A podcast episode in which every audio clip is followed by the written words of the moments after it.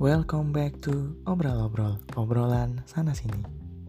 Di episode kali ini, gue bakal ngobrolin seputar COVID-19 versi gue Indonesia sendiri hampir sudah tiga bulanan mengalami wabah COVID-19 ini. Dan beberapa kebijakan pun diambil oleh pemerintah untuk menghentikan penyebaran virus. Alhamdulillahnya data sekarang untuk jumlah angka kesembuhan sudah mulai mengalami kenaikan yang artinya pandemi ini akan segera berakhir. Itu harapan kita semua.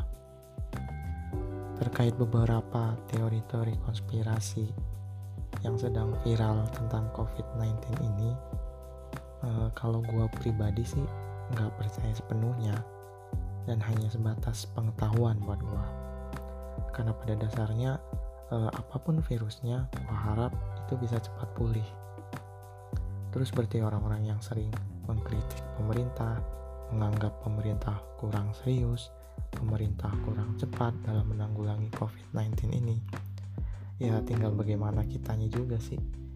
Pemerintah nggak diam kok kebijakan sudah diambil. Tinggal kita nurut apa yang dianjurkan.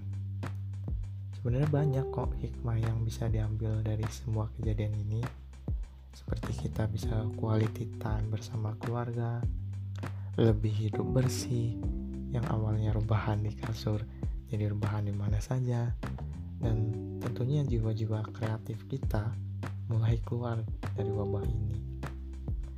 Itu sih beberapa hikmah yang bisa kita ambil.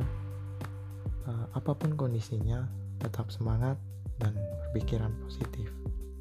Bentar lagi kok, nggak lama nanti kita bakal kembali melakukan aktivitas tanpa dibatasi. Di rumah aja ya. See you.